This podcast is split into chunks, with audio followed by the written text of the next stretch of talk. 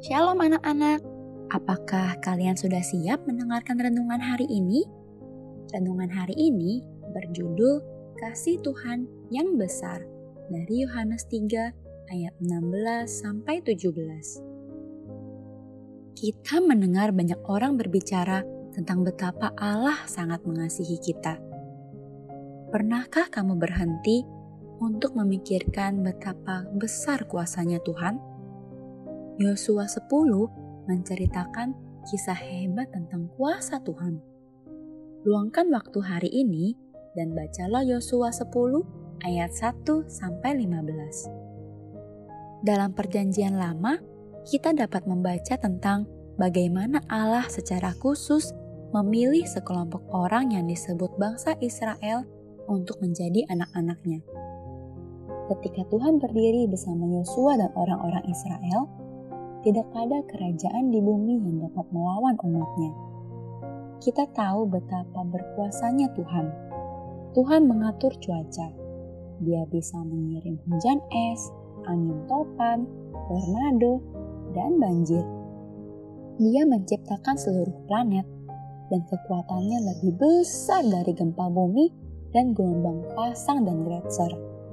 Tuhan juga mengendalikan sejarah dia telah membantu beberapa pasukan untuk memenangkan pertempuran yang tidak mungkin dimenangkan oleh manusia.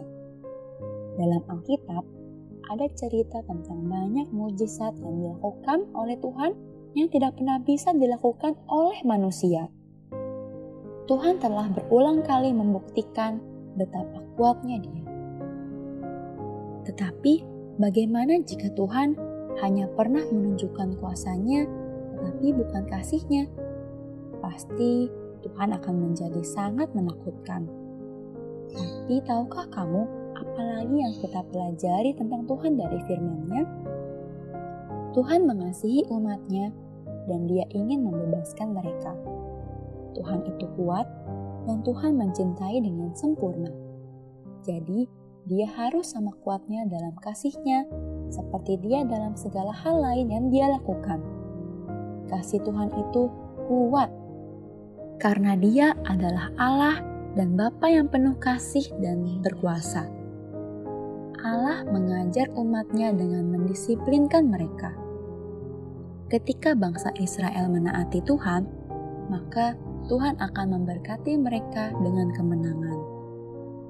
Mereka adalah tentara kecil yang tidak dilatih bagaimana berperang, tapi Tuhan membantu mereka menang lagi dan lagi.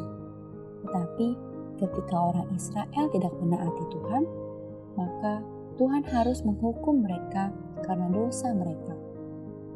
Bangsa Israel menderita setiap kali mereka tidak menaati Allah. Suatu kali, bumi terbuka dan menelan beberapa dari mereka. Suatu ketika, Tuhan mengirimkan ular berbisa. Suatu ketika, mereka kehilangan banyak anak buahnya dalam suatu pertempuran. Tetapi melalui semua itu, Tuhan mengasihi mereka dan Dia membantu mereka ketika mereka berpaling kepadanya untuk meminta bantuan. Dalam Perjanjian Baru, kita dapat membaca tentang kapan Tuhan sendiri datang ke bumi. Ketika Yesus Kristus, yang adalah Allah, datang untuk dilahirkan sebagai manusia dia mengundang semua orang untuk menjadi anak-anaknya.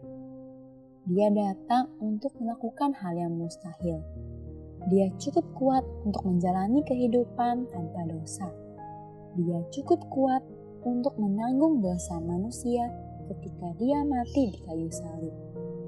Dia cukup kuat untuk bangkit dari kubur. Tak satu pun dari kita bisa melakukan hal-hal itu. Kehidupan kematian, dan kebangkitan Yesus Kristus adalah bukti kuat bahwa Allah sangat mengasihi. Dia sangat mencintai dunia sehingga dia mengutus putranya ke dalamnya. Bukan untuk mengutuknya dan menghancurkannya dan mengacaukannya, tetapi untuk menebus dan menyelamatkan dan membebaskan dan menyelamatkan siapa pun yang datang kepadanya dan mempercayai dia untuk membantu. Tuhan yang kuat dan penuh kasih itu sudah datang ke dalam dunia. Selamat hari Natal, Tuhan Yesus memberkati.